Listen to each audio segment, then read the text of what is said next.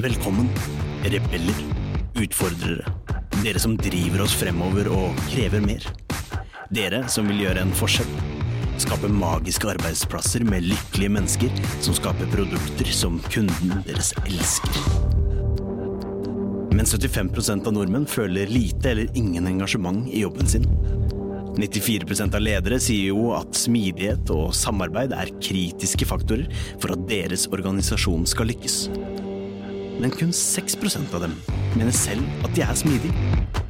Dette er podden som vil inspirere, gi deg konkrete tips og verktøy som vil hjelpe deg med å skape endringsdyktige organisasjoner med høyt engasjerte og motiverte ansatte som lager uslåelige produkter. Med smidig-coachen, kurs- og foredragsholderen Ida Kjær. Ved sin side har hun kurs- og foredragsholderen, smidigtransformatøren og topplederen Tobias Falkberger. Sammen har de over 20 års erfaring med å jobbe i og lede smidige team og organisasjoner. Nå kjører vi! Hei og velkommen til en ny episode av Smidigpodden. I dag er det et rundt tall på episoden. Episode 40. Det er gærent. Vi har ikke vi tidligere pratet om sånne rundetall og hva man feirer og hva det heter, og sånn papir og sånne ting? Ja, Har ikke vi? det har vi snakket om. Ja, hva heter Hva er det? 40? Hva er 40? Sikkert eh, diamant. sikkert. Helt sikkert diamant. Diamantepisoden Smidigpodden. Yes! Og i dag så har vi ingen annen enn Smidig sin egen kusin, Lin, på besøk. ja! Så i dag skal vi snakke Lin med Beate fra DNB. Det skal vi gjøre. Min kollega Beate Barstad Vatne, som jobber i Lean-teamet, jobbet masse med Beate i uh, DNB sin smidige transformasjon, hvor hun bidrar supermye. Så det er veldig kult å høre rundt hennes take på, på Lean og smidig.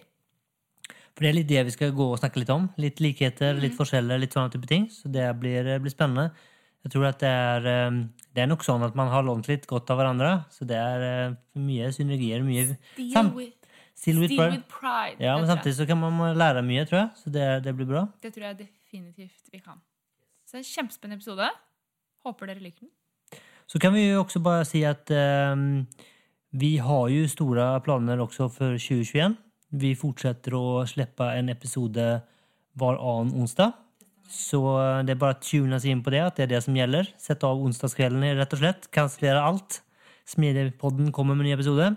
Vi har masse masse spennende gjester. Jeg tenker ikke vi skal liksom namedroppa noen nå, men eh, vi har temaer som eh, OKRs, Beyond Budgeting, vi har noen st kjente, store ledere. Vi har veldig mye spennende, smidige endringsprosjekter. Det er masse ting masse som eh, spennende. masse spennende på Så det er bare så det, hvis du hører på det her og ikke liksom, eh, abonnerer på Smidepodden, så anbefaler jeg dere sterkt til å gjøre det. Så får du sikkert sånn varsling. Ja, skru, skru på varsling. Det er, Varsling er superbra. det er kjempesunt med varsling. Det er masse Så lenge det er det Ikke det, nei. Ja, det blir bra. Og som vanlig, hvis dere syns at smidipodden Smidigpodden er kanskje noen i selskapet ditt kunne ha glede av å høre på, så eh, del og i vel. Mm. Ja vel. Eller del med en venn. Del med Da en kan vi ha venner av min jobber da. Det kan man nå. Ja. Det kan jo være hyggelig, da. Det kan være hyggelig. Det er litt det vi tenker at vi er fint, at man har en hyggelig sted å jobbe. Ja. Så kanskje venner. Det er det. Ja. Så sånn er det med den saken. Em, ellers så er det jo fint at uh, dere fortsetter å ta kontakt. Legger oss til på LinkedIn. Helt fantastisk. Vi får faktisk en del mail om ulike ulike ja spørsmål. nå det, må vi nesten, det har vi ikke pratet om, men vi har jo fått kontakt av eh, studenter. Ja. Og, og til og med Levi. Levi. ja, Levi. Hei, Levi. hei, hvis du er der ute. Ok, da vet vi det, at Apple TV Living Room is disconnected. um, jo, vi har eh, Ja, vi har eh, fått Det er mange som har kontaktet oss, og blant annet da masterstudenter, som er superålreit. Livi har jeg snakket med fra USA. Kjempespennende. Imponerende type. Lærte seg eh, amerikaner. Lærer seg norsk. Snakker superbra norsk. Så det er kult at vi har faktisk amerikanske lyttere.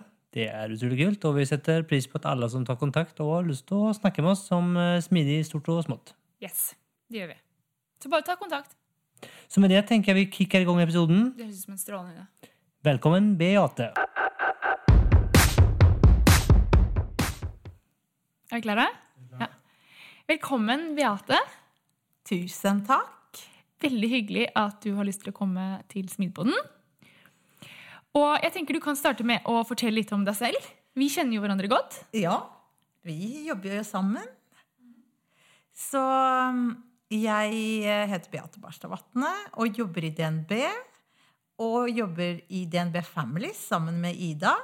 Mens jeg kommer fra Lean-siden, og du, Ida, fra Agile-siden. Men eh, vi ser jo da på i DNB Families så ser vi på systemiske hindringer i forhold til å jobbe smidig. Og tester og lærer og deler i DNB, da.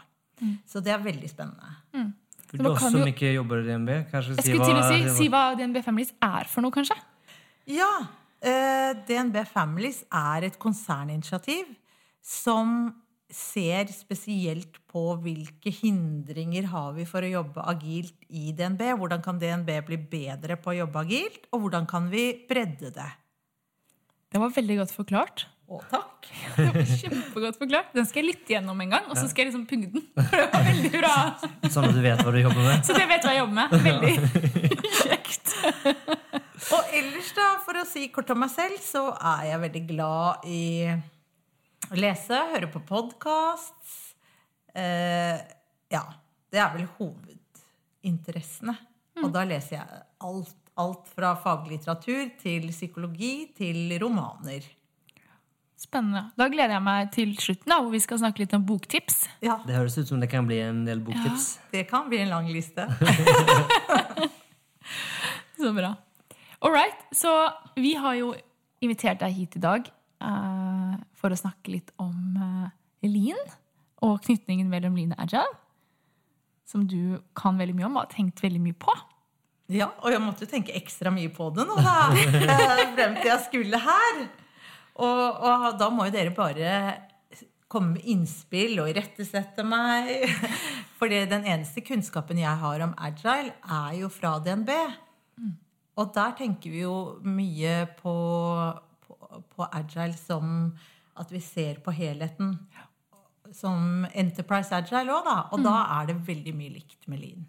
Men vi har mye å tilføre hverandre òg, så det har vært veldig givende å jobbe sammen med dere i agile, dere agile-coachene nå dette året her.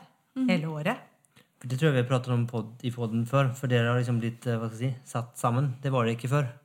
Så Ja. det er liksom uh, Vi hadde jo en omorganisering, og så uh, nå har vi da, ble vi, kom vi inn i konsernutvikling da, sammen med, sammen med Lien. Så Og nå er jo- endringsledelse. Og endringsledelse. Ja. CM, da. Så, og da på en måte har vi knyttet alle disse fagmiljøene sammen, som hvert fall i mitt hode gir utrolig mye mening. Ja. Fordi ehm, jeg syns jo det er veldig kort avstand mellom endringsledelse, smidig og lean. Helt enig. Og jeg syns alt begynner jo med det der med engasjerte medarbeidere. Både at vi må engasjere oss, men også hvordan engasjere. Og det er jo det som fascinerte meg når jeg begynte med Lean for elleve år siden. Så var det det som fascinerte meg mest, hvordan Lean klarte å engasjere alle ansatte og få fram det beste potensialet i mennesket. da. Og det er jo vinn-vinn. For det er jo til det beste for bedriften, og det er jo til det beste for oss ansatte òg, at vi får utvikle oss og får utfordringer i, ja, i jobben vår. Og jeg tror at det å være engasjert tror jeg er noe av det viktigste for oss mennesker, både privat og på jobb, altså som helhet. Hva er det du tenker som gjør det, da? Hva er det som, som i Lean som bringer det frem med oss, da? Ja, Lean handler jo mye om kontinuerlig forbedring. Og da er det jo sånn at det er de som har skoene på, altså de som, jobber, de som er ute og jobber med sine ting, alle i bedriften skal tenke kontinuerlig forbedring. Fordi du vet best hvor skoen trykker i forhold til den delen av verdikjeden du er i, da. Så Lean har en veldig sånn helhetlig filosofi, at det er verdikjeden fra kunden har et behov, og til det behovet er levert. Hele den verdikjeden skal fungere. Og da må alle hele tiden tenke hvordan kan vi bli bedre? Og da ser man på, da ser man på det med problemer som noe som er en mulighet, og noe som gir energi. Det er gull med problemer, for da kan vi bli bedre, og så får du en utfordring i hvordan skal vi gjøre det. Og du gjør det sammen med kollegaene dine, og sammen i grensesnittene. Sånn at man får sett på helheten. Og får belyst problemstillinger fra flere områder. da, Så man ikke suboptimaliserer. For hvis du bare liner deg innenfor én enhet, så er det jo veldig lett at du flytter problemet til enten de som er foran eller bak i kjeden. Så lean er sånn utrolig sånn sunn fornuft i hvordan eh, drive business og ta vare på menneskene. Og, og de er jo òg veldig opptatt av respekt for mennesker, respekt for samfunnet. Det skal være vinn-vinn. Hvis vi, Nå hoppet vi jo bare rett ned. Ja, Så hvis vi bare eh, liksom løfter oss litt opp Og så Ja. tenker jeg det kan hende at det er noen av lytterne våre som ikke kan så veldig mye om lin.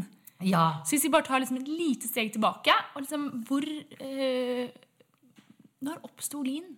Hvor er det? Hvor kommer det fra? Ja, altså det var jo amerikanerne som dro over. Nå husker jeg ikke akkurat på hvilket det var, akkurat når det var, men eh, det var jo eh, når bilbransjen begynte Det begynte å bli et synkende marked i USA, da, i bilbransjen. Og da dro Da vokste Toyota. Toyota vokste voldsomt i et synkende marked. Og da dro amerikanerne over for å se hva er det de gjør. Hvorfor lykkes de så godt? Så det er amerikanerne som kalte det lean, og det er ikke et akronym, som mange tror. Eh, Men de kalte det lean som i smidig. Eh, og og um, det er jo en del sånne prinsipper med lean, da, kjerneverdier. Og det er jo at du skal sette kunden først. Du må jo lage det kunden vil ha. Og det forandrer seg jo hele tiden. Så Henry Ford, når han eh, lagde bil, så, eller starta med produksjon, så sa jo han du kan få hvilken farge du vil så lenge du velger sort. Ikke sant? Da var det sånn. Mens Toyota var der at de, de skulle lage Du skulle kunne få akkurat det du ville. De ga masse muligheter, men de standardiserte innenfor en del ting allikevel. Da. Det var jo mye som var likt, og så skulle kunden få For kunden ville Hva ville kunden ha? Jo, de skulle få skreddersy det de ville ha. Og så gjorde de det utrolig effektivt. Og her tror jeg at mye Altså, mange har prøvd å kopiere det japanerne gjorde, og det er ingen jeg vet om som har klart det. Og det, det har det jo blitt skrevet mye bøker om det òg. Og det er de samme, mange av de samme folkene som dro over og har dratt over for å beskrive hva de gjorde. De har kommet med bøker etter bøker på hvorfor lykkes vi ikke å ta dette konseptet over til Vesten. Konseptet, det er feil. Filosofien. Og mye av grunnen er nok det at eh, man dro over og beskrev det man så. Og da får du toppen av isfjellet.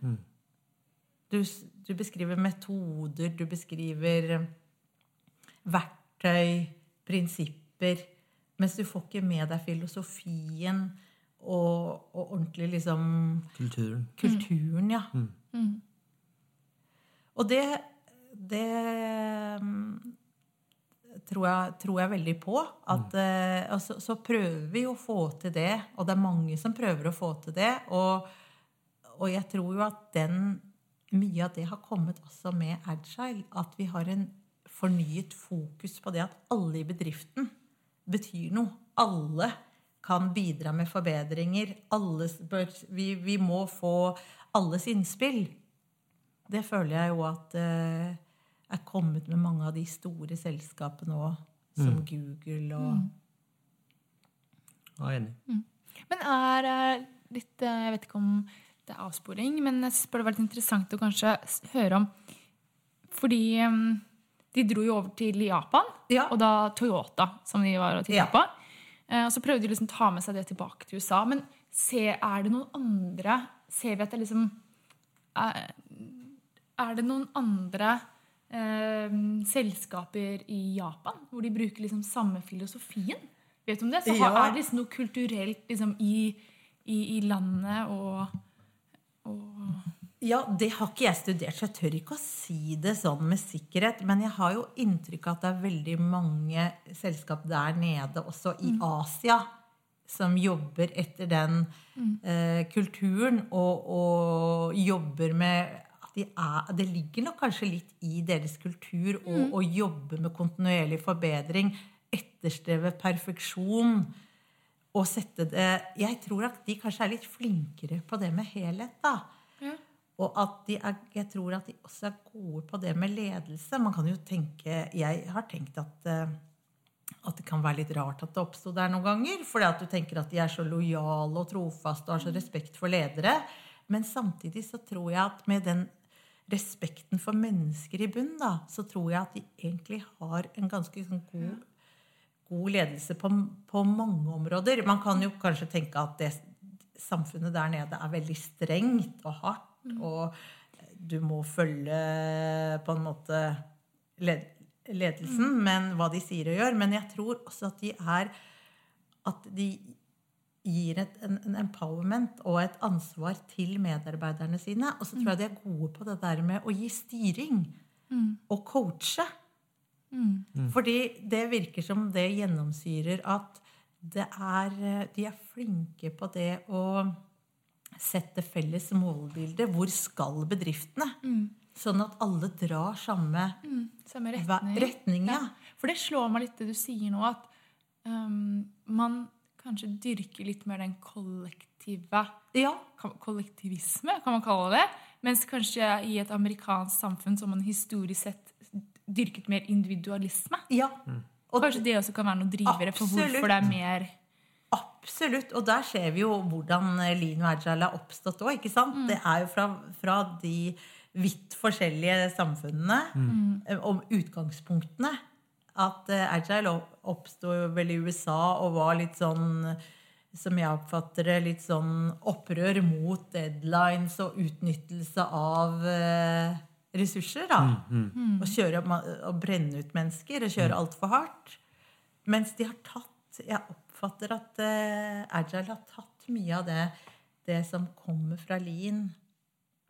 Og det man er veldig gode på og, i, i Lean og, og liksom Toyota der det kommer fra, da, er at man er veldig god å sette et felles mål. Ja. Hvor skal vi? Og så, sånn at alle drar i den retningen. Og at man eh, coacher.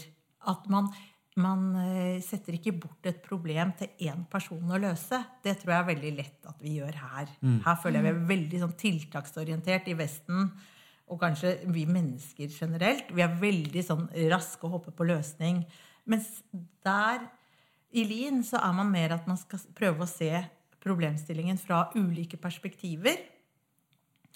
Og at man eh, da får belyst man får belyst rotårsaker, man får sett problemet fra ulike sider og i en helhet.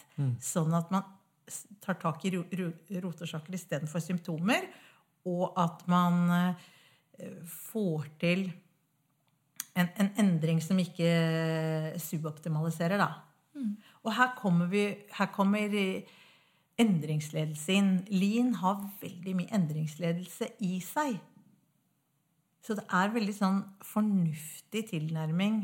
Man, det er ikke til å unngå at man, jo mer jeg lærer om lean og den tilnærmingen, jo mer imponert blir jeg over psykologien som ligger i det òg.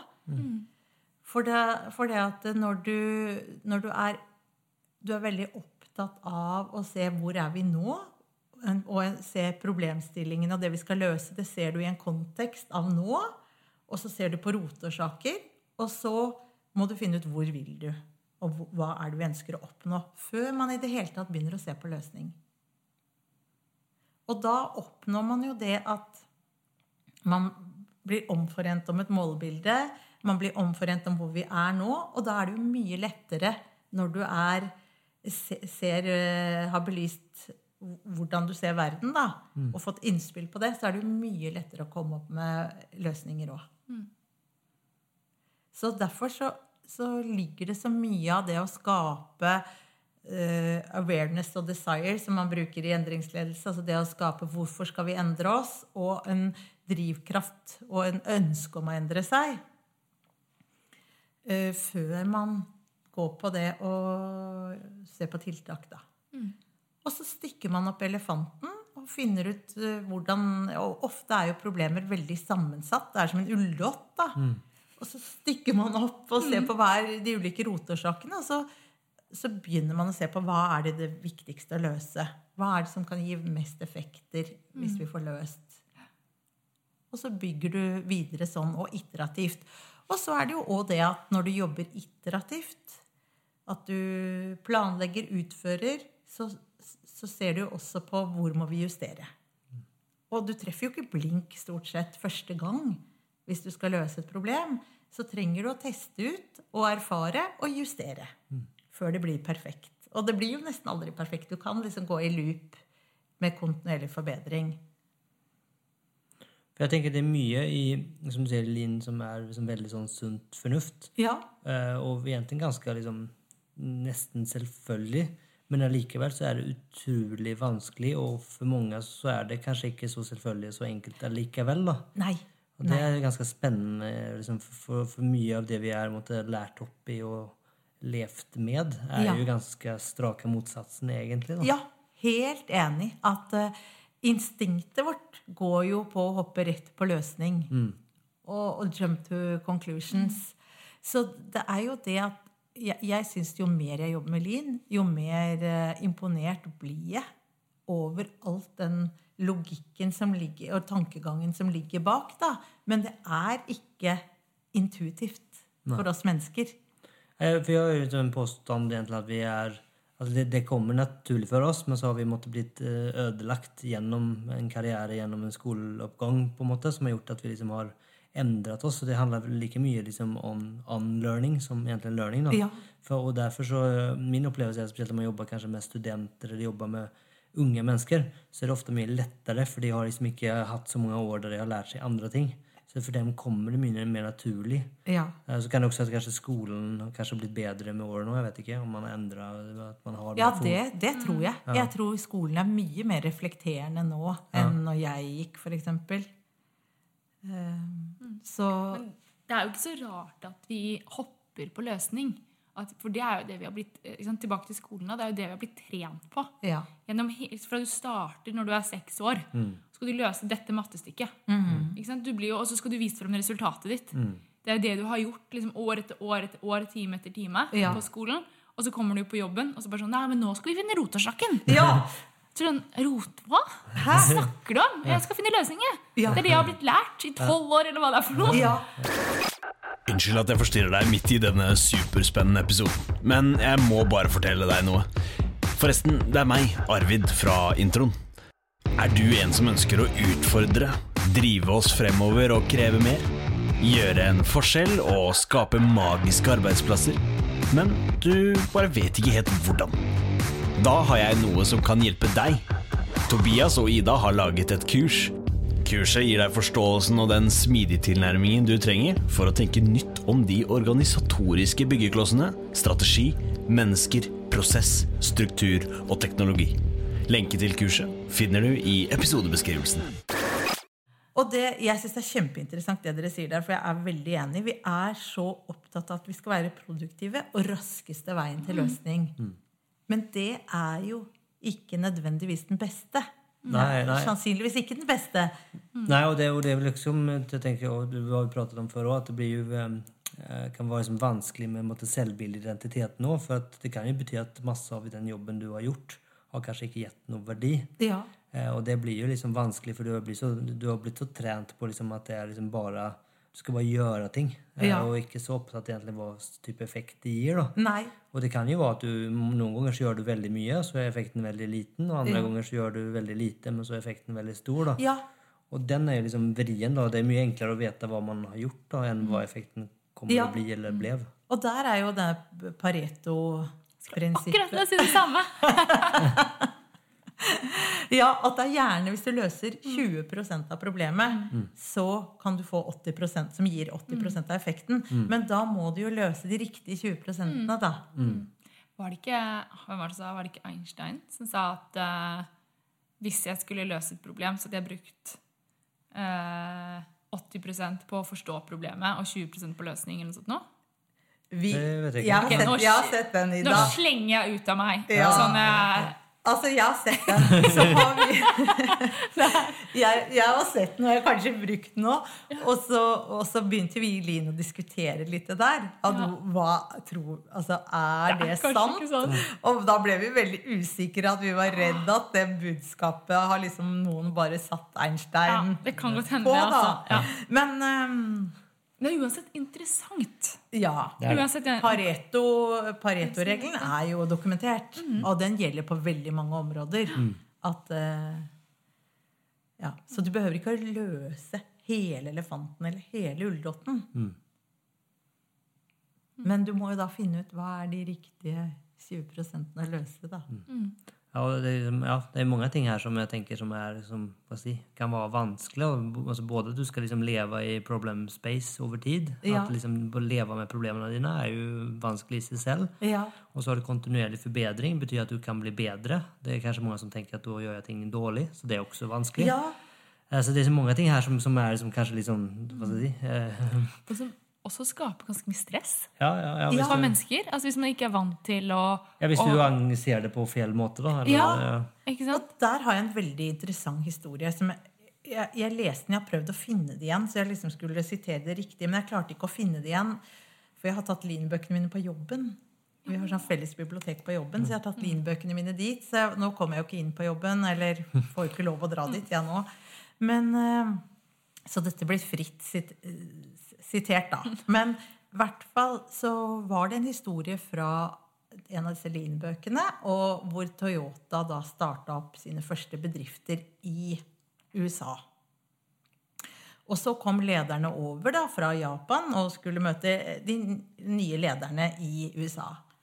Og så sier de, ikke sant Ja, hvilke problemer har dere her, da? Og gnir seg liksom i hendene med forventning. Mens i USA det lederne sa der, var Nei, vi har ikke noen problemer. Og der har du kulturforskjellen. For japanske ledere som kom over, så var det liksom Hva, hva for utfordringer kan vi ta tak i her? Dette er kjempespennende. Mens i Vesten og her så skal vi liksom ikke ha problemer. De prøver vi helst å feie under teppet. Så du må jo snu mindsetet litt. Og jeg blir jo kanskje litt, er jo kanskje litt sånn skada etter å ha jobbet elleve år med Lean, så, så ser jeg kanskje ikke det aspektet som du sier, Tobias. At liksom det er, kan jo være stressende for folk å jobbe med problemer og oppleve at du liksom er problemfokusert. Mens jeg ser jo på det som gull, jeg nå, ikke sant? For at jeg er liksom sånn Alle har utfordringer. Eh, hvilke skal vi begynne med, liksom? La oss få de opp. Og, og det å løse de er jo i hvert fall veldig givende, da. Det er det. Så, så det er noe med mindsettet at man Når vi skal få folk til å jobbe med kultur og kulturendring og bedre sin egen hverdag, så må de se på det som noe noe hvor de føler at de får til noe. Da. Så Derfor så begynner vi jo ofte når vi skal innføre kultur, lean-kulturen, i områder, så begynner vi jo gjerne med et lean-prosjekt hvor vi hjelper de å finne ut hvor skal du, skal du begynne. Og at vi prøver å få til noen quick wins òg, sånn at man blir motivert. da. Og ser at ja, vi kan virkelig forandre vår egen hverdag. Og at man blir forventningsfull til å jobbe på den måten. Men man har jo alltid noen som er skeptiske. Ja. For Jeg tenker det er også, vi vel bare kanskje så vidt touchet innom, men eh, både sånn flyteffektivitet versus ressurseffektivitet. For det er også en sånn ting som kommer liksom tilbake til kanskje selvbildet og man, hvordan man måtte spille inn, og at du må ha mye forståelse for, for totaliteten. Det er jo veldig mye enklere å liksom Jeg er opptatt og er fornøyd, Ja. fornøyd med det, enn at jeg liksom faktisk kanskje jeg, jeg som meg selv har kanskje ikke gjort så mye, men jeg har kanskje hjulpet andre som kanskje har hjulpet noe større. Den er jo kanskje også vrien å, å liksom ta inn over seg. da. Ja, absolutt. Og, og jeg tror jeg avbrøt meg selv når jeg skulle begynne å fortelle hva lean er. For det er jo ikke, er ikke enkelt å fortelle hva lean er. Men da burde jeg jo fortalt litt mer om dette med flyt og flyteffektivitet versus ressurseffektivitet og sånn, da. Så det kan jeg jo gjøre, for det at vi er jo i vårt samfunn oppdratt til at alle skal ha fulle kalendere. legene de har eh, fulle kalendere, ikke sant? Det er jo kjempevanskelig å få tid. Og, og i DNB òg. Vi har fryktelig Det er fryktelig, Fryktelig busy. vanskelig. Ja, veldig busy. Eh, og, og, og det er jo Da er vi ressurseffektive. Så hver ressurs er jo liksom opptatt hele tiden. Men for å få til flyt, for at, eh, at, at tjenester eller produkter eller hva det skal være, skal liksom komme raskest mulig fra idé og ut til kunde, da, så trenger vi å ha mer fokus på hvordan får vi til flyt. Og da er det et veldig, veldig kjent eksempel som eh, Niklas Modi, som har skrevet eh, Dette er din. Ja, ja. Svensk. Han er jo veldig kjent i Norden, da. For han er veldig flink å formidle dette med flyteffektivitet og om lean generelt. Men det samme eksempelet som han har i sin bok, det er omtrent gjort i Norge med brystkreft. da. For nå, nå har du sånn brystkreftpakker. Nå har du eh, sånn at du, du kommer inn istedenfor Det det går, eksempelet går ut på, da, er at istedenfor at du skal gå først til fastlegen, og så få en henvisning til mammografi, og så kanskje til biopsi, og så tilbake til fastlegen, og så til sykehus, så eh, har du mer bygd opp ting rundt kunden, for dette var ikke kundevennlig. Altså, det tok jo kjempelang tid å få, en, få vite om du hadde kreft eller ikke. Og folk går jo og bekymrer seg. Du blir kanskje til og med noen blir sykemeldt. Du blir sykere også. Ja, ja, ikke sant? Både blir du er sykere. Ja. du er kjempebekymra, og, og Ja. Og sånn at da så man jo på det at hvordan kan vi Hvis vi tar utgangspunkt i kunden, hvordan ville vi da gjort det? Og det har man jo gjort nå til dels eh, i Norge òg, da. At nå har du ett sted. Hvis du mistenker noe, så har du eh, Så kommer du til ett sted og får gjort flere undersøkelser. Du må vel fortsatt ha en henvisning, da. Men da er du til fastlegen, og så kommer du inn på sykehuset, og der, der er det et helt kobbel av spesialister. Ja. Sånn at de er sentrerte rundt deg istedenfor at du må gå til hver og en av de. Og det, og det handler jo mye om det derre og Hvis vi tar, prøver å å oversette det til eh, tjenester, da, og til f.eks. DNB, så er det jo sånn at, da, at istedenfor at jeg skal dytte eh, mine behov over til deg, f.eks. For forretning, de spesifiserer behovet, og så har IT Det er de som gjør løsningene sammen med forretning. Så istedenfor at jeg dytter på alt jeg kan inn til IT, som da får 1000 baller å sjonglere, så skal man mer ha pull. At du sier fra, da. At IT sier fra at nå har vi ledig kapasitet til å ta tak i noe nytt. Og da kommer det inn. For, for det Hvis du, hvis du får altfor mye arbeid, pågående arbeid, så blir det jo masse task switching. Eh, Du får ikke lov å jobbe fokusert med noe. Og alle vet at hvis du skal drive med task switching, så går det bort masse waste og masse tid i det å sette seg inn i noe på nytt. Og så Ja. Og, og, og det er også menneskelig veldig slitsomt. Så vi blir mindre effektive av det av flere grunner. Og dette har det jo blitt gjort mer, mange eksempler på. Både studier på og enkle eksempler du kan se på YouTube som går på dette her. da. Ja, fordi det, interessante her er jo at altså, even om det liksom, du snur på det, men likevel så blir det jo, som i det psykisk case her så blir det jo faktisk rimeligere. Ja. Eh, Så det, det er jo også ikke nok med at disse menneskene får en veldig mye bedre opplevelse og kanskje kan redde liv, så blir det faktisk i kroner billigere òg. ja. Og det er ganske vinn-vinn. Ja, så, så det er jo veldig interessant eh, at du uh, ja. ja. Jeg tenker kanskje vi skal hoppe over litt i, i, i likheter med Vi har liksom pratet om liksom, litt over, all over the place. Så liksom litt sånn tilbake til liksom lean agile-sfæren og tenke litt på både likheter og kanskje ulikheter. ja. Um, skal vi kanskje bare hoppe rett inn i, i det, hva vi tenker om, om likheter? Ja, og da er det jo bra at vi gjør det alle tre. Ja. For det, Altså, Vi snakka jo om bakgrunnen, den er forskjellig. Men jeg opplever jo at agile har tatt veldig mye lean. Det synes jeg også, Akkurat som det du nevnte om pull versus push. ikke sant? Ja. Bare sånne ting er ting vi- jeg snakker om hele tiden Ja. i jobben. ja.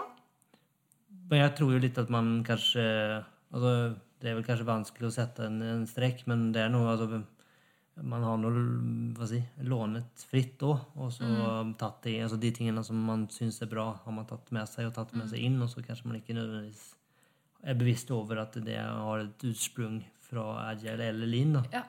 Jeg tror jeg er ikke så bevisst over det. Jeg husker noen av de første bøkene når du introduserte meg for smidig, Tobias, for jeg vet ikke, fem år siden eller noe sånt nå, så var jo noen av de første bøkene vi hørte, var jo Lean-bøker.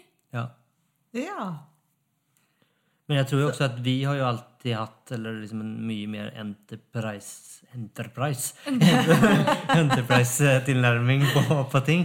Ja. Og da blir det jo fort mye flyt, og Ja. det blir liksom de bitene her du, du, Man snakker fort om uh, tingene som kanskje går mer inn i, i lean enn du kanskje gjør i en veldig hva skal jeg kalle det, tradisjonell, smidig med fokus på team og IT-utvikling. da. Ja, for det at det- den siden kjenner jo ikke jeg så godt til. Ikke sant? Den eh, jeg, jeg kjenner jo best til den Enterprise Agile, og da syns jeg det er veldig, veldig mye likt. Vi, kanskje, vi har kanskje litt fokus på ulike ord og uttrykk. ikke sant? Eh, I Agile så bruker det WIP, Work in Progress, veldig opptatt av det. Mens vi, det det er akkurat det samme i Lean. Vi bruker bare ikke den betegnelsen. For det, det var det vi snakka om. eh, Mye, mye pågående arbeid, da. At det, den køteoribiten, ikke sant? Og så snakker dere veldig i, mye i Agile om transparency og stabile team. Og, men det tenker jeg er ikke noe motsetning. Absolutt ikke. Lean er jo veldig opptatt av at det skal være enkelt å få en, et bilde av hvordan ting gjøres. Altså hvordan er prosesser osv. Og, så og det er jo en forskjell, da. Prosess, kanskje. Det at vi i Lean snakker mer om prosess. Mens i Agile så er man mer på det at uh, one size fits nobody.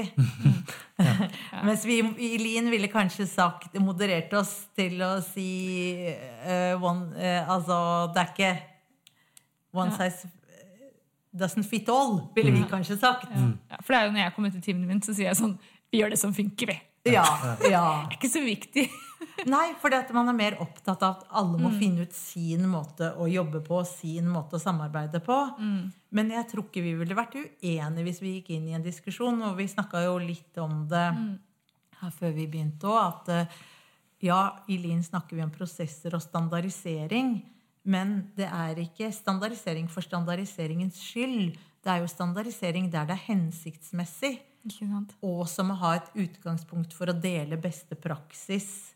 Og det ville jo ikke Agile vært uenig i.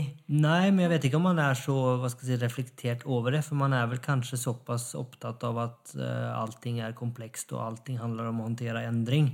Så man glemmer kanskje litt at det finnes en del ting som ikke nødvendigvis er komplekst, kanskje bare er complicated, og, og det fins faktisk finnes best practice, og at det finnes ting som kan standardiseres og kan kontinuerlig forbedres og kan automatiseres, og man glemmer det litt i jaget på å liksom, håndtere endring. da. Ja, For det, ja. for det er litt viktig. Det. Vi har jo snakket en del om det i det siste, Tobias. Det å kunne skille på forskjellen mellom complicated og komplekst. Og klare å på en måte si at ok, dette er komplekst, dette er complicated. Og si liksom, hvordan burde vi behandle det ulikt? da?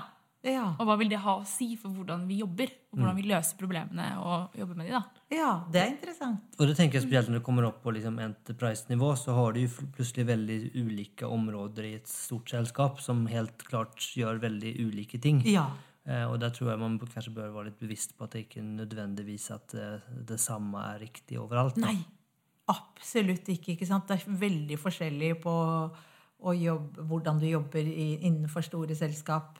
Vel, jeg tenkte på, det sikkert ikke så veldig, Kanskje mange lytterne våre som ikke helt er klar over forskjellen mellom complicated og kompleks. Har du lyst til å forklare det, Tobias? Eller setter deg skikkelig på Ja, du setter meg rett ut i spotlighten. Ja. Kaster, kaster meg under bussen. Ja. Hvis det er noen som lurer nå, så kommer det en buss fra høyre side. Jeg var glad du ikke spurte meg. Det kan kan jeg begynne med å si at eh, det er ikke mitt ekspertiseområde, og jeg tar gjerne en, eh, noen som kan komme og eh, hva si, rett Skolere oss på- skole- skolere oss på. Høre Det om hadde det er vært veldig spesielt spennende hvis noen er gode på det Ja. der ute. Men en, en, en stor forskjell er jo eller det som er når det er komplekst, så er det liksom ikke nødvendig Det er ikke liksom en sterk kobling mellom um, det du gjør, og det som skjer, da. Eh, og sånn sett så er det Og det er mye mer hva skal jeg si, unike problem, problemstillinger. Da. Eh, sånn at du ikke har den nytten av best practice. Når ting er, er eh, complicated, så er det liksom det er eh, vanskelig. Og da har du veldig nytte av at du har erfaring, at du har folk som har gjort det før. Og du kan sånn sett liksom eh, lære. Du liksom har en, en, en, eh, hva skal jeg si, en fordel av at ha gjort det samme før. da. Ja. Eh, Så jeg vet ikke om det er et eksempel, men jeg skulle kanskje tenke meg at altså, bygging av et hus er sikkert eh, eh, Det er jo mm, complicated. Det er jo vanskelig, liksom. Ja. Men de er relativt like, de husene du lager. Det fins en best practice. Det er, det er bedre å være en erfaren husbygger enn en ikke-erfaren husbygger. Jeg tror ikke man kaller det husbygger, men eh, vi, vi sier husbygger. Men, mens kanskje typisk eh, det- det som, som er, eh, man jobber mye med i, i dag, eh, mange altså rundt eh, teknologi og software og sånne ting, så, så er det mye vanskeligere å se at du, gjør noe, så vet du kanskje ikke Det har ikke blitt løst forut, og du ser ikke nødvendigvis hvilken del av det du har gjort som måtte ga den effekten. Så du, du må mye mer eh, prøve ting, eh, og ha der, derav feedback loop og, og hyppige iterasjoner for å teste noe og se om det faktisk eh, gir en effekt. da. Jeg syns du forklarte det veldig fint. Ja. Ja. Ja, men om det var riktig, er jo noe Det er i hvert fall den vi styrer etter nå, da. ja, ja. Nei, men det er jo veldig sant. Ja. Det Noe å ta med.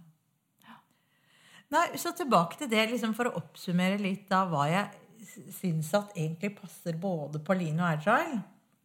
Det er jo at vi er opptatt av at vi skal kunne tilpasses At selskapene skal kunne tilpasse seg endring, da. Raskt og på en god måte. Eh, At vi ser hele Ser kundeverdi i et sånt eh, Ser helheten, da. I verdikjedeperspektiv.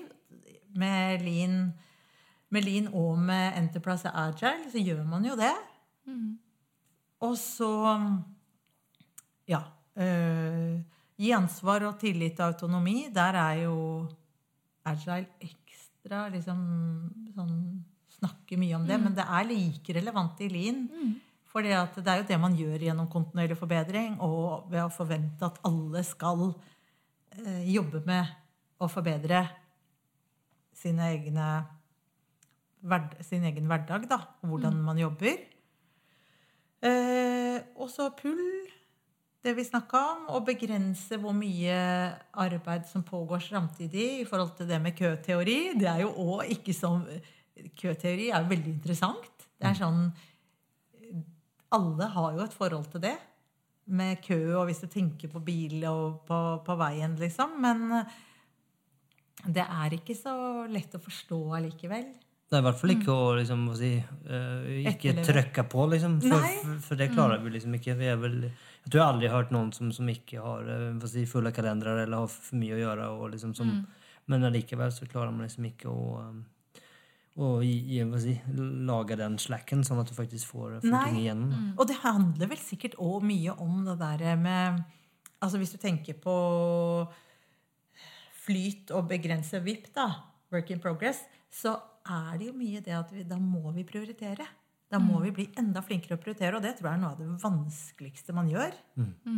For da må vi si at ja, altså, vi vet Det er liksom bevist gang på gang at hvis du begrenser hvor mye du legger inn i, i produksjonslinja eller tjenestelinja, da, så går du fortere gjennom. Men allikevel så må vi dytte inn den, og vi skal dytte inn den, og dytte inn den. Og da blir jo ledetiden tiden det tar, mye lenger. Og allikevel så klarer vi ikke å la være. Men jeg tror jo igjen liksom, man har bare trent i, og så er det, tror jeg, liksom, det er vanskelig å være den eh, hva skal jeg si, eh, budbæreren Ja. som kommer og sier at ja, men, Vanskelig å være den kjipe. Ja, som så at der gikk streken, liksom. Ja. Eh, og da er det bedre, Ja, det er bedre å bare prøve. Så vi prøvde i hvert fall, men vi Ja. fikk det ikke til. Ja. Enn å si at, at du får ikke lov. Og så tror jeg det er litt i menneskets natur òg å ville strekke til. Ja. Man vil jo hjelpe, man vil jo seg gjøre, så, ja. man vil gjøre det beste man kan. Mm. Uh, men ja. ja. Nei, så prioritering er noe av det vanskeligste. Og så har vi jo begge teamfokus. Og det er, det er kanskje enda sterkere i agile, men jeg føler at det er veldig sterkt i lean òg. Altså liksom det harmonerer godt. For man, man er jo ikke Ja, vi, vi selskap består av individer, og individet er kjempeviktig. Men man er ikke sterkere enn teamet. Det er sammen, ved å jobbe godt sammen, at bedriften som et hele blir god. Den blir ikke god hvis det bare er individualister, men man må anerkjenne at det er enkeltindivider som man skal følge opp og motivere. Men der tror jeg jeg vil liksom påstå at mye av den, eh, det som vi kanskje tenker om Agile, er såpass inspirert av Lean, så derfor så er det så likt. Ja. Men back in the days så tror jeg at For det var veldig mye opplever Agile som tradisjonelt veldig eh, teamfokusert. Vel, Ja. Mens man kanskje Jeg ser også i, som i Riks-TV også, og vi gått fra å være veldig teamfokusert til å ha mye mer fokus på helheten, endringsdyktighet og flyt. Ja. Og da ser vi faktisk at de, de veldig stabile teamene og sånne ting er liksom ikke nødvendig. Det er mye bra med det, men det er også det er ikke en silver bullet. Eh, Nei. Det er vanskelig å endre seg, og du mye av igjen med prioritering kanskje da blir styrt av historisk prioritering, for du hadde et team som hadde mye å gjøre, så da fikk de flere folk. Og da har du egentlig per definisjon sagt at det er viktig i all evig tid, egentlig. Ja. Og det er jo kanskje ikke nødvendigvis riktig, eller det er garantert ikke riktig over tid. da. Men da har du måttet låse det i det faste teamet. Ja, og der hørte jo jeg Jeg tror at det var på podkasten deres at jeg hørte at du, Tobias, snakka om det i forhold til Riks-TV. At eh, det, dere, dere var opptatt av psykologisk trygghet, og da ble ikke stabile team så viktig. Ja, det, det, det, det tror jeg absolutt at vi har. eh, Vi har jo en fordel at vi ikke er så store også, så vi har jo mulighet til å, å se hele Riks-TV som et, et familie, da, eller som Ja, et team. ikke da. sant? Ja, at man kjenner hverandre litt mer på tvers og, og eh, er trygge på hverandre. Og da er, den, da er det lettere. Eh, Ja. Men det er klart, desto større du blir, desto vanskeligere blir det. Men det merker vi nå i disse, disse tider, at spesielt for de nyansatte så er det jo vanskeligere å måtte bli kjent. og Ja. Du blir kjent i det teamet ditt, men resten av organisasjonen har du ikke noe forhold til i det hele tatt. For de har du jo aldri sett engang. Nei. Jeg, ja. jeg tror det er litt viktig å for Man snakker veldig mye om faste team i Smidig. Men jeg tror det er litt viktig å ta et steg tilbake. Og akkurat det vi snakker om nå, hvorfor vil vi ha faste team? Ja. Hva er det vi ønsker å oppnå med faste team? Eh, Og kan vi oppnå det på en annen måte enn å ha veldig faste team, som igjen da går utover kanskje prioriteringen vår osv. Ja. ja. Um, og det tror jeg man kanskje ikke er så gode på i Smidig. Nødvendigvis alle.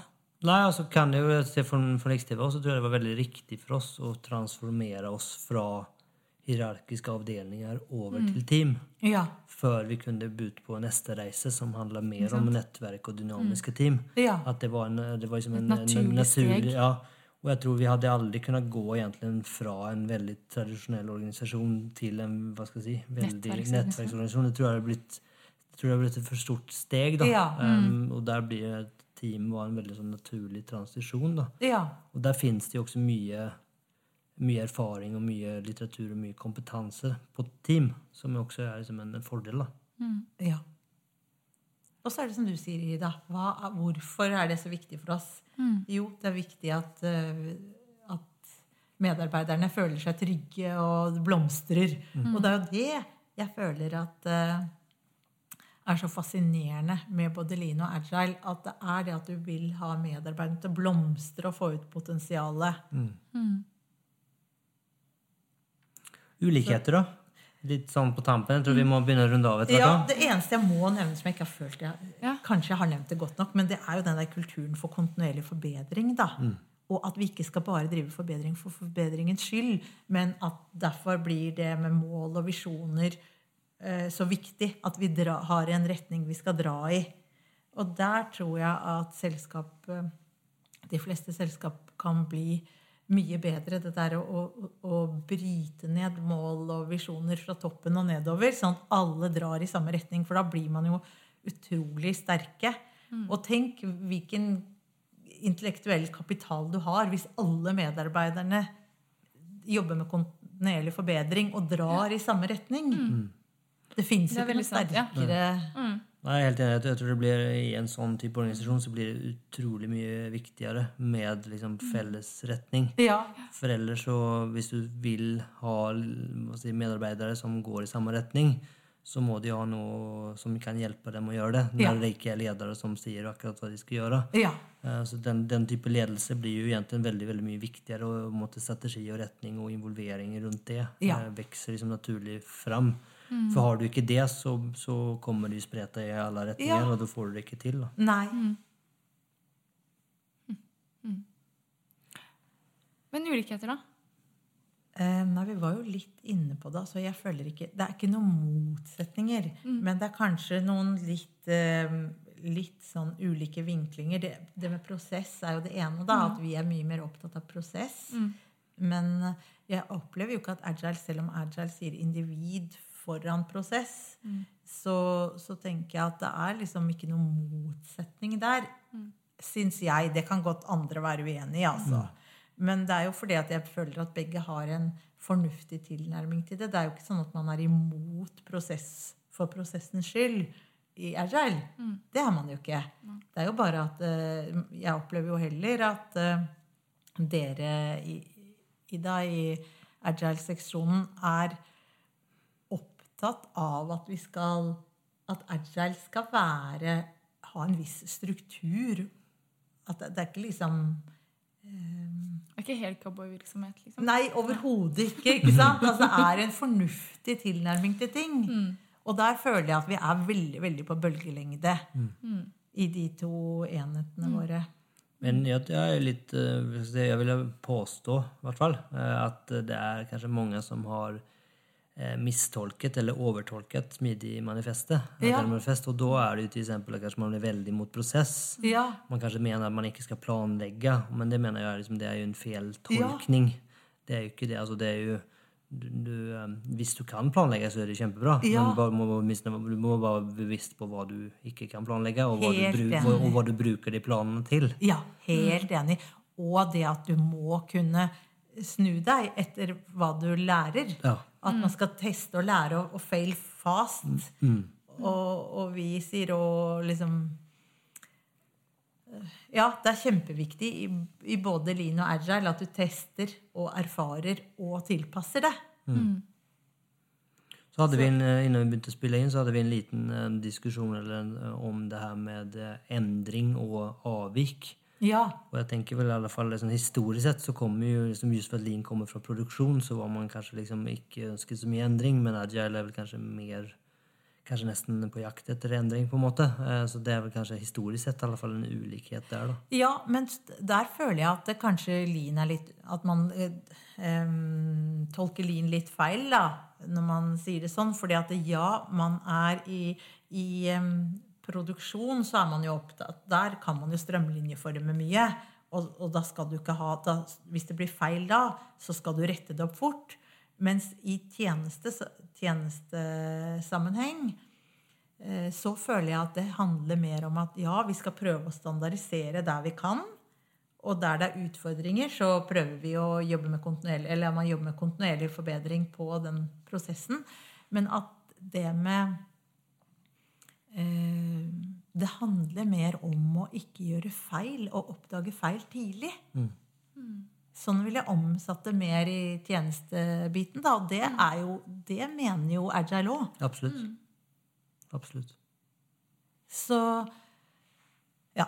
Så, så det er absolutt noen liksom litt forskjell på hvor, hvilke ord vi bruker, hvor vi legger noen tyngdepunkt. Men når vi snakker om det samme, når vi snakker om eh, Sånn som vi gjør i DNB, da, så, så, så har vi jo liksom det samme vi skal applisere Lien og RR på.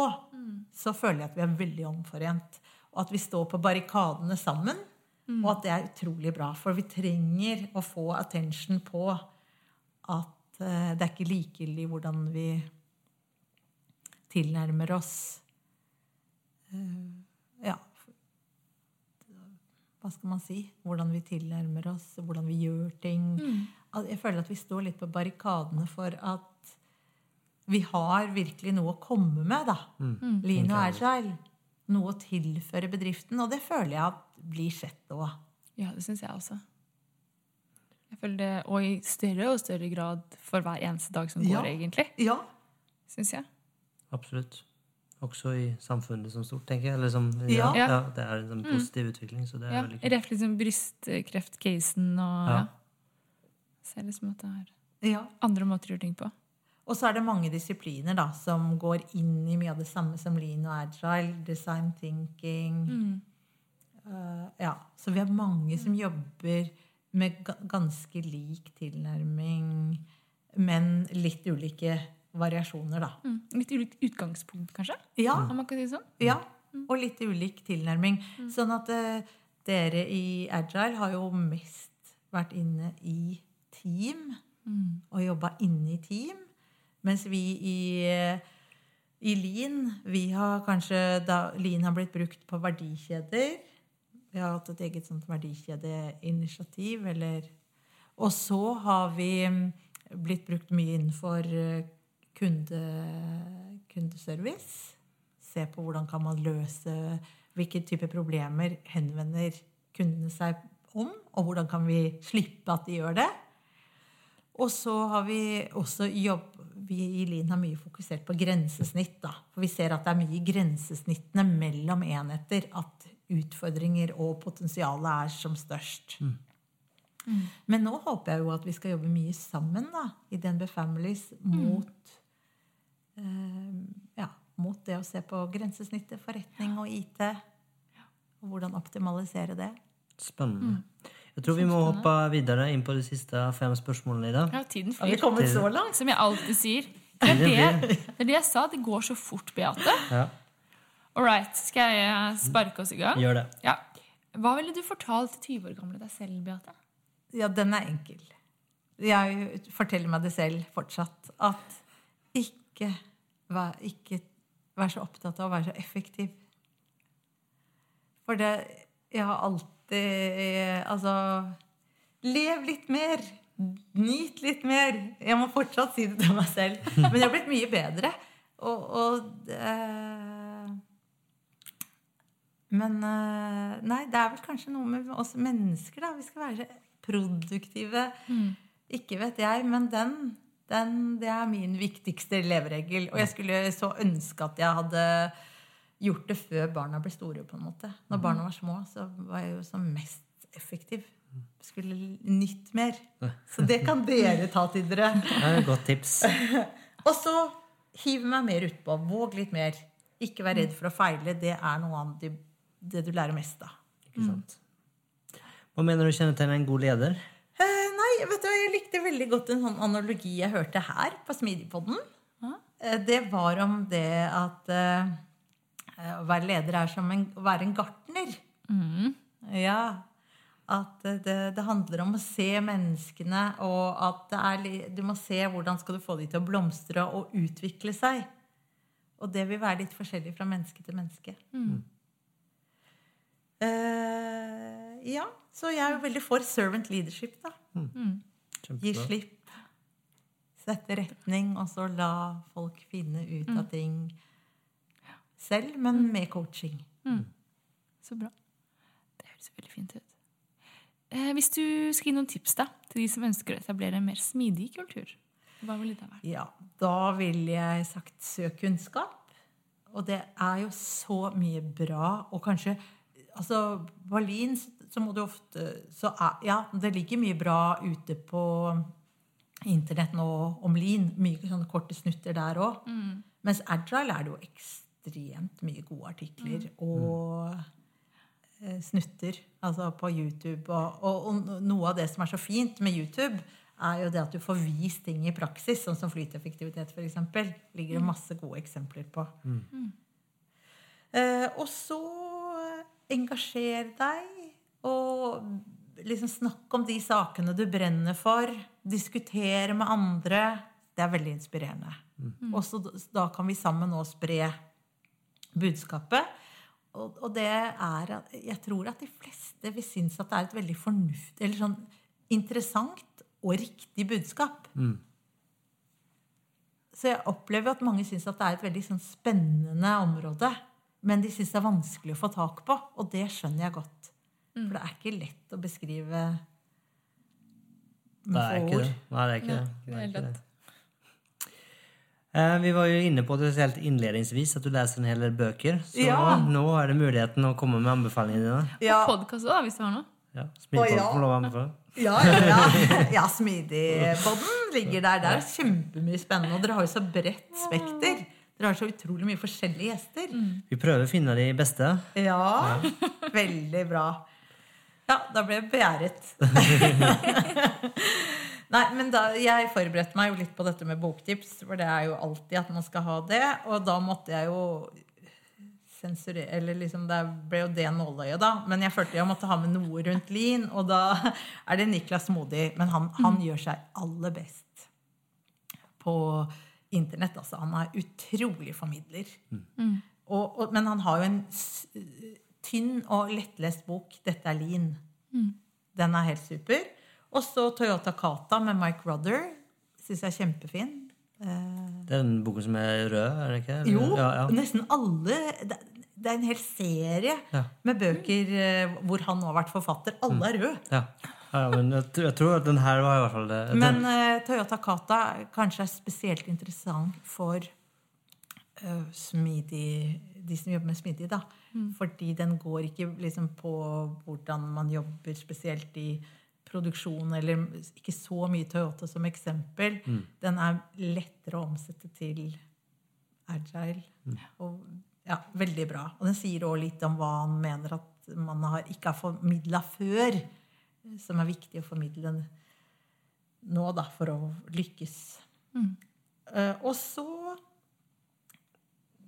den 'Thinking Slow and Fast' den har jo helt sikkert blitt nevnt før av Kahneman, men den syns jeg er jo kjempebra. Den sier litt om hvordan vi mennesker er bygd. Uh, og så 'Leaders Eat Last' in, Ida, som du anbefalte. Den er, og han er jo kjempeflink, han eh, Sinek. Ja. Sinek. Men så er det en bok jeg leste for mange år siden, som jeg stadig plukker fram igjen. Og det er 'Switch' av to brødre.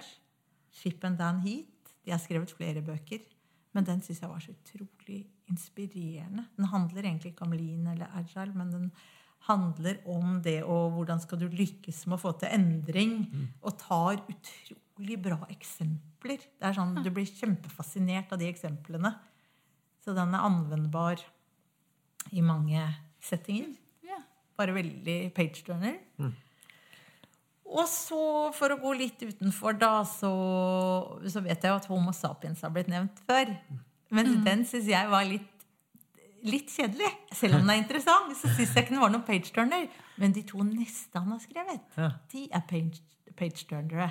Ja. Homo Deus og 21 tanker for det 21. århundre. Kanskje vi skal tippe ta de, da. Ja. Vi har faktisk ikke lest ferdig den Nei. ennå. For vi, det ble litt eh, Det, det, blir, ja, det blir kanskje litt sånn nerdete på, på menneskets historie. ja, Det var veldig Ja. veldig spennende, men vi har faktisk vi har ikke fått eh, lest den ferdig. Vi Nei. har litt igjen, kanskje. Ja, ja. Ja. Skum dere ferdig med den, da. Så. Men man behøver ikke De er enkeltstående. Man behøver ikke å, De bygger ikke på hverandre. Og så um, tar vi noe psykologi til slutt, da. Og da tar jeg med noe av eh, Irving Yalom, og det er eksistensiell psykoterapi. Men alt av han er bra.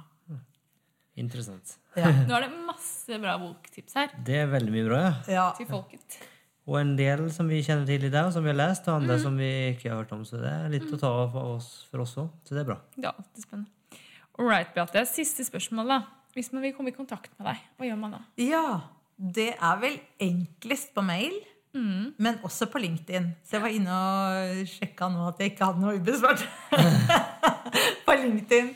Men uh, jeg er ikke sånn veldig aktiv på LinkedIn, men jeg, uh, jeg har stadig en mål om å forbedre meg på det. Så jeg følger jo med.